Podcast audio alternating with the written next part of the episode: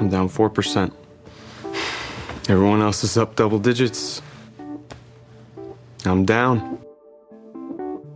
Hej och välkommen till Kapitalet. Jag heter Jakob Bursell. En av huvudkaraktärerna i HBO-serien Billions heter Wendy Rhodes.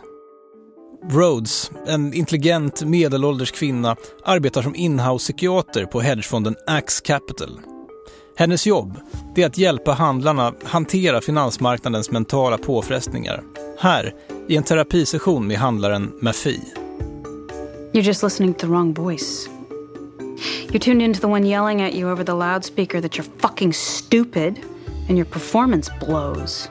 And you're ignoring the quiet one inside telling you where the alpha is. Alltså finansmarknaden och just hedgefonder kanske inte alltid förknippas med djupa samtal och mental hälsa. Men det är faktiskt inte helt ovanligt att man tar hjälp av personer som Wendy Rhodes för att hålla ordning på personalens huvuden. Billions hämtar ju sin inspiration från den profana hedgefonden SAC Capital, där grundaren Steve Cohen på 90-talet anlitade psykiatern Ari Keeve i hopp om att kunna hjälpa handlarna att ta större risker och tjäna mer pengar. Så vi på kapitalet frågade oss naturligtvis om det inte finns en svensk Wendy Rhodes eller Ari Keeve där ute. Och vi behövde inte leta särskilt länge. Gunnar har den här veckan träffat Lars-Erik Unestål. Unestål, som idag med marginal har passerat den vanliga pensionsåldern, kom till vår studio i Stockholm strax före sommaren. Han har grått hår, han har munnen full med guldtänder och en otroligt intensiv blick. Han är den svenska idrottspsykologins pappa, nästan en legendar inom idrottsrörelsen. Men hans tjänster har också efterfrågats av näringslivet.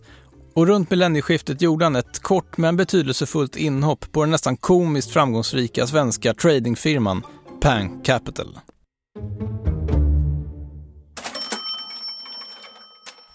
Kapitalet görs i samarbete med Tessin där man enkelt kan investera direkt i fastighetsprojekt och i gengäld få en avkastning på 10% per år eller mer. Nästan varje vecka dyker upp nya investeringsmöjligheter och jag råder den som är intresserad att gå in på tessin.se och abonnera på nyhetsbrevet så får man ett mejl så snart ett nytt projekt presenteras på hemsidan.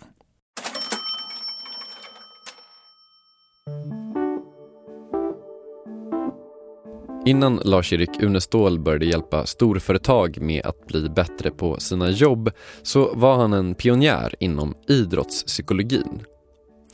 Ibland sägs det till och med att han uppfann idrottspsykologin. Han idrottade själv som ung och blev intresserad av hur man kan träna huvudet på samma sätt som man kan träna kroppen. Samtidigt så började jag fundera över det här med prestation jag märkte ju att eh, prestationen kunde variera rätt mycket från gång till gång och även under samma tävling. Även om man hade samma fysiska förutsättningar så förstod jag att det måste ha med det mentala att göra. Eh, sen ibland så när man hade flyt så gick ju allting väldigt bra. Eh, jag förstod att det måste finnas ett tillstånd då där prestationen kunde ligga på topp utan att man tog i. För när man har flyt så går det mesta av sig självt. Det här tillståndet av flyt, det tror jag liksom att alla som försökt sig på någonting, i alla fall någonting inom idrottsvärlden, känner igen. Och Lars-Erik Unestål började fundera på vad det är. Vad är flyt? Kontroll över vårt liv är en viktig del i ett bra liv. Att kunna behärska saker som händer. Och den vanliga kontrollen som är viljemässig kontroll, det vill säga att jag vill någonting och sen anstränga mig för att åstadkomma det. Det fungerar bara på vissa områden, men på många områden så blir det precis tvärtom. Försöker jag somna på kvällen så kommer jag ligga vaken ännu längre. Försöker jag att koncentrera mig så blir jag ofta mer okoncentrerad. Så i själva försöket ligger en slags motsats till det jag vill åstadkomma. Och identifierade han då, flyt är inte att försöka mer, det är inte att ta i mer. Rent konkret så handlar det om att kunna slappna av i antagonisterna, som är den typen av muskler som alltså strävar emot. Att kunna slappna av, vilket man kan göra med Lars-Erik Uneståls mentala träning, det blev lösningen. Och det gick oerhört bra. Och då var det ju så inom idrotten att man förknippade väldigt mycket just med ansträngning. bara du vill, bara du jobbar tillräckligt hårt. Så det här nya då, att man kunde åstadkomma mera genom att använda en annan, ett annat sätt, där man fick det att hända utan att man tog i lika mycket. Det blev en, en slags stor förändring av, av idrotten. Men okej, nog med sport tänker ni, var är min ekonomipodd? Och nu är vi framme där. För efter det att Lars-Erik Unestål skördade stora framgångar med många av Sveriges olika landslag så fick han en dag en oväntad förfrågan. Jag blev kontaktad av en kvinna som hade fått eh, då det högsta jobbet som en kvinna hade i bankvärlden, nämligen PK-banken som vice VD. Och eh, varför hon tog kontakt med mig det var egentligen för att hon hade eh, fått en hypnosskiva av sin mamma och blev intresserad av, av eh, den mentala träningen och tänkte att det här kanske vore någonting också för finansvärlden att, att pröva.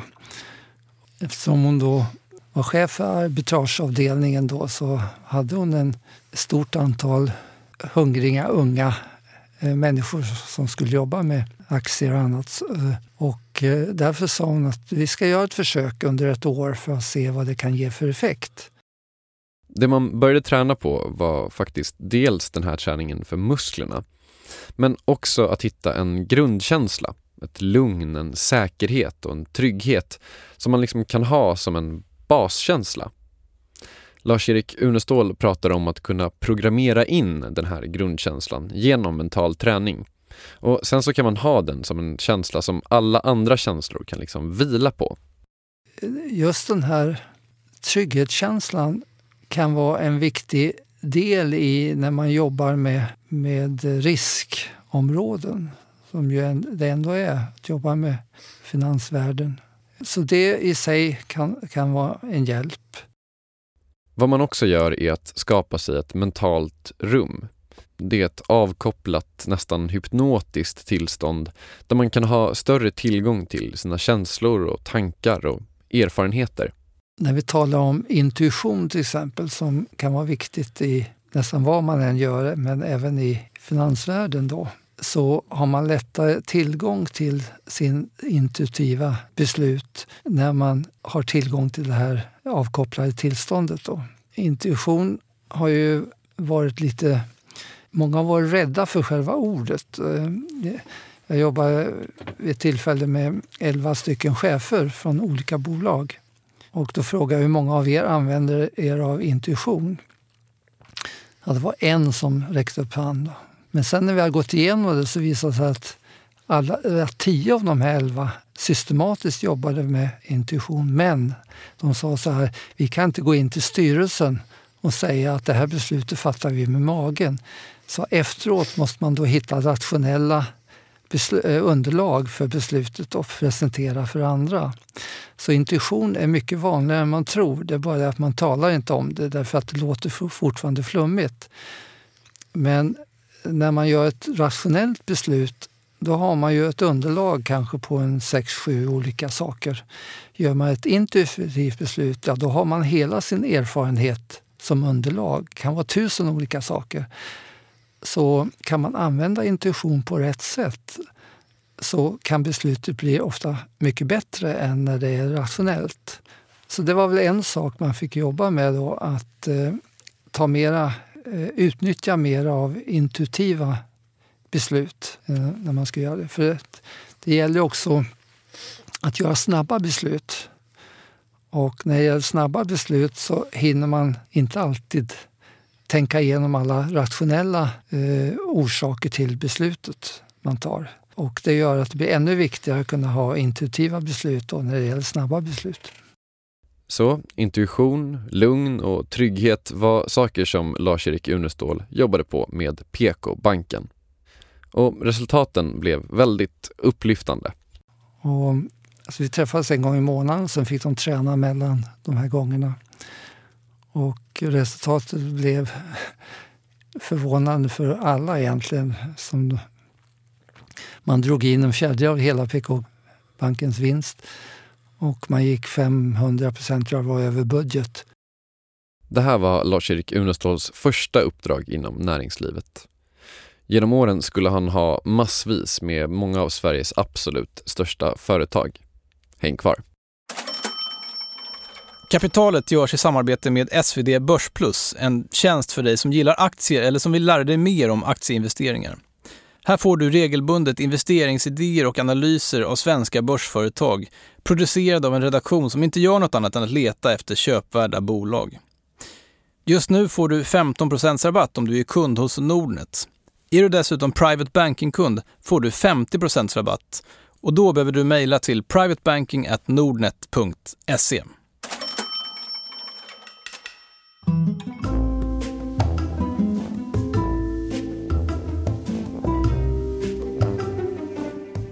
Lars-Erik Uneståls träning handlar på många sätt om stress. Stress har ju något av en negativ betydelse i dagens samhälle men Lars-Erik Unestål menar att så behöver det faktiskt inte vara. När vi talar om stress i vårt samhälle så menar vi den negativa stressen men eh, Selje som uppfann stressbegreppet han var väldigt noga och påpeka att utan stress kan vi inte leva. Att det finns en positiv stress, han kallar det för eustress. Och så finns det en negativ stress, distress. Och eh, om vi inte hade den positiva stressen, till exempel om en fotbollsspelare inte kunde få en stressreaktion när man gick ut till en match, då skulle han aldrig kunna fungera bra. Han måste ställa om kroppen från de vanliga naturliga funktionerna, med matsmältning och så, till adrenalinpåslag och eh, så vidare så att han fungerar på toppen. Och Det här gäller, menar då Lars-Erik Unestål, egentligen i många typer av arbeten. Inte bara i fotbollsspelarskråt utan också i andra jobb där man måste ta många beslut fort. Till exempel om man ska köpa och sälja aktier. Men det viktiga där är att det ska vara en temporärt påslag. Så att efter matchen ska man då kunna koppla av och återgå till de naturliga funktionerna. Människor som får det här påslaget varje dag utan att få den här återhämtningen, de går snart i väggen. För det klarar inte kroppen. Så egentligen är det inte så att vi ska bli av med stressen. Vi ska använda stressen på ett bra sätt. Men vi ska kunna ha en förmåga att eh, gå från aktivering till återhämtning. Och vi ska kunna förvandla den negativa stressen till positiv stress. Då blir stressen en vän istället för en fiende. Och det här kan man ha mental träning till, menar Lars-Erik Unestål. Det finns saker som är kopplade till stress, både till positiv och negativ stress och det är mål. Det finns en vedertagen metod för att sätta mål och den kallas SMART. Det är en akronym. Man ska sätta smarta mål. SMART står då för att man ska sätta specifika, mätbara, available, alltså uppnåeliga, realistiska och tidsbestämda mål. Men Lars-Erik Unestål menar att det finns ett problem med det här. Nackdelen med det är ju att vad som är realistiskt, det beror ofta på min självbild. Och risken är ju att jag sätter alldeles för låga mål.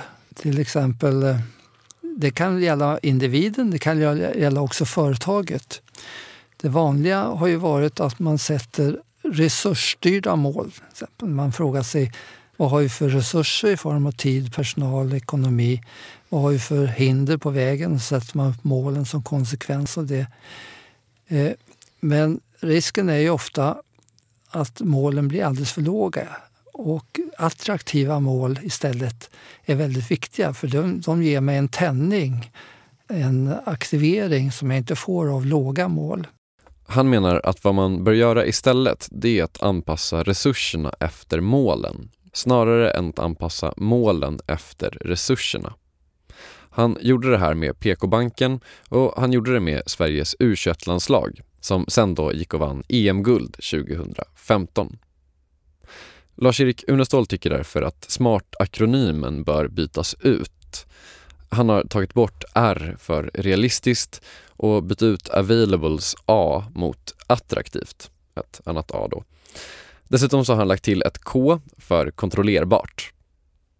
Man kan väl säga att det här är ett sätt att sporra en organisation, men det måste ju också finnas en trygghet. Och det är den som man då ska kunna skapa sig genom den mentala träningen.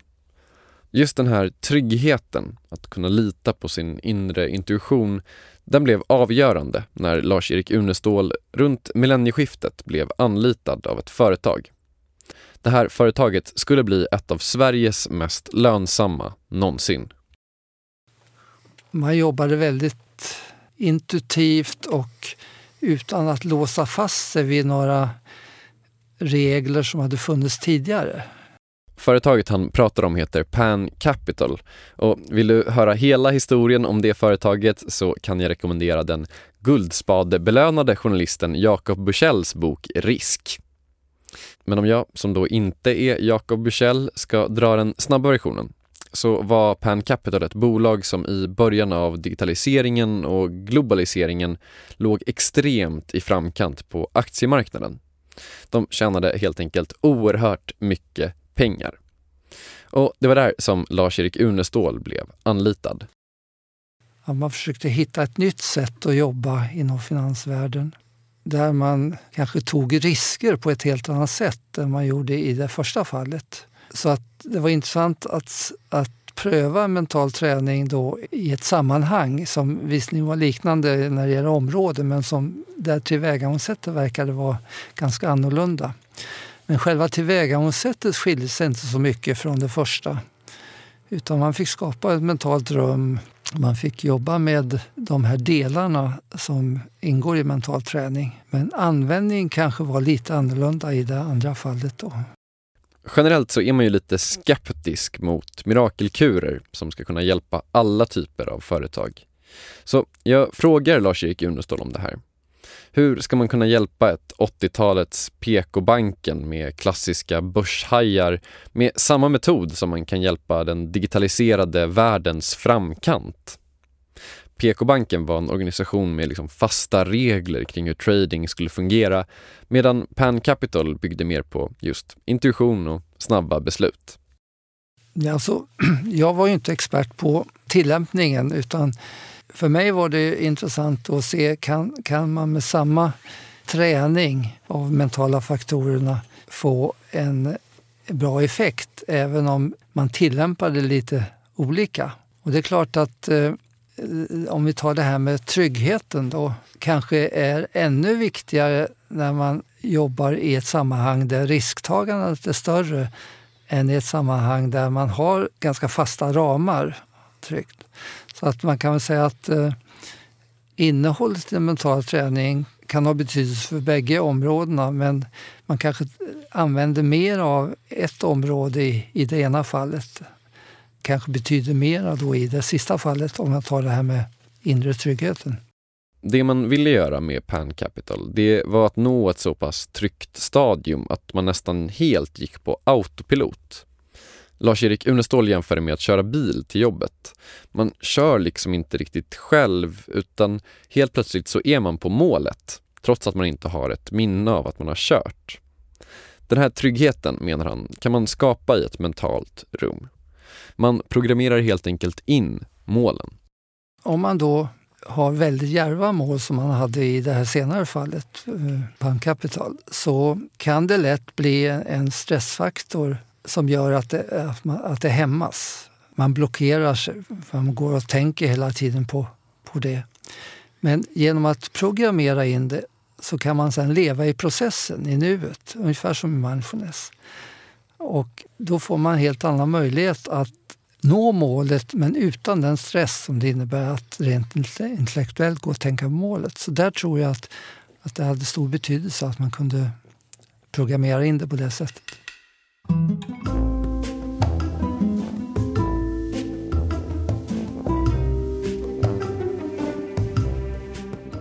Som ni kanske märker så är det inte så konstigt att den här idrottspsykologen togs in till svenska företag. Avslutningsvis så lyfter Lars-Erik Unestål upp en annan sak som han tycker är något som man bortser ifrån i affärsvärlden. Och det har med risker att göra. Man pratar inom affärsvärlden ofta om trygghetszonen, alltså en plats där man vet vad man ska göra. Och Det man menar är att människor i trygghetszonen inte alltid presterar på topp, utan man gör bara det som man är van att göra i den här zonen. Man vill helt enkelt få människor att lämna zonen. Det första sättet man kan göra det på, det är med belöning. Det andra som är viktigt är att säga att jag kan aldrig misslyckas. Jag behöver inte ta några risker. Misslyckande är en, en tolkning av misstag. Men misstagen är en viktig del för att lyckas. Vägen till framgång kantas av misstag, sa Edison. Vi talar om försök och misstag som vanligaste inlärningsmetod, inte försök och misslyckande. Och det har gjort att det som Pan Capital då jobbade mycket med, att använda sig av misstagen, det har även andra företag börjat titta mer och mer på och säga att det är viktigt att göra misstagen så fort som möjligt.